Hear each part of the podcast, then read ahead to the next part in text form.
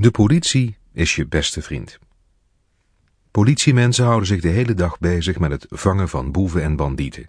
Dit alles gebeurt uiteraard naar een wilde achtervolging met auto's door de stad en natuurlijk wordt er dan ook altijd veel geschoten. Politiemensen, die het nog allemaal moeten leren, die zijn in het politiebureau en die zorgen ervoor dat de boeven en bandieten die in de gevangenis zitten niet weglopen. Dat is in het kort het beeld wat onze vijfjarige dochter had van een politieagent. Bij ons in de straat woonde zo'n politieman en ze keek haar ogen altijd uit als hij in uniform en met een politiewagen thuis kwam. Heel voorzichtig ging ze dan even naar buiten, om te kijken of er misschien nog een boef achter in de politieauto zat.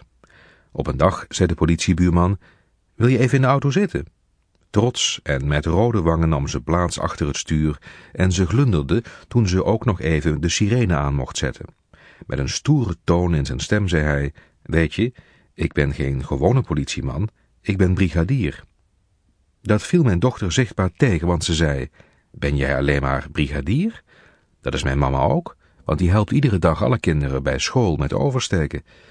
Hij steeg echter weer snel in aanzien toen uit de mobielefoon het bericht klonk. 51 wilt u met spoed naar het benzinestation gaan, want er is waarschijnlijk een overval.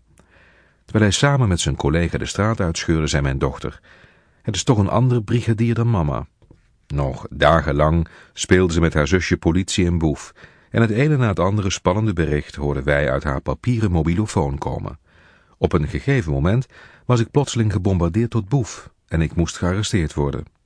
Tijdens het stoeipartijtje wat toen ontstond, hoorde ik dat de politie ook over zeer bijzondere wapens beschikt.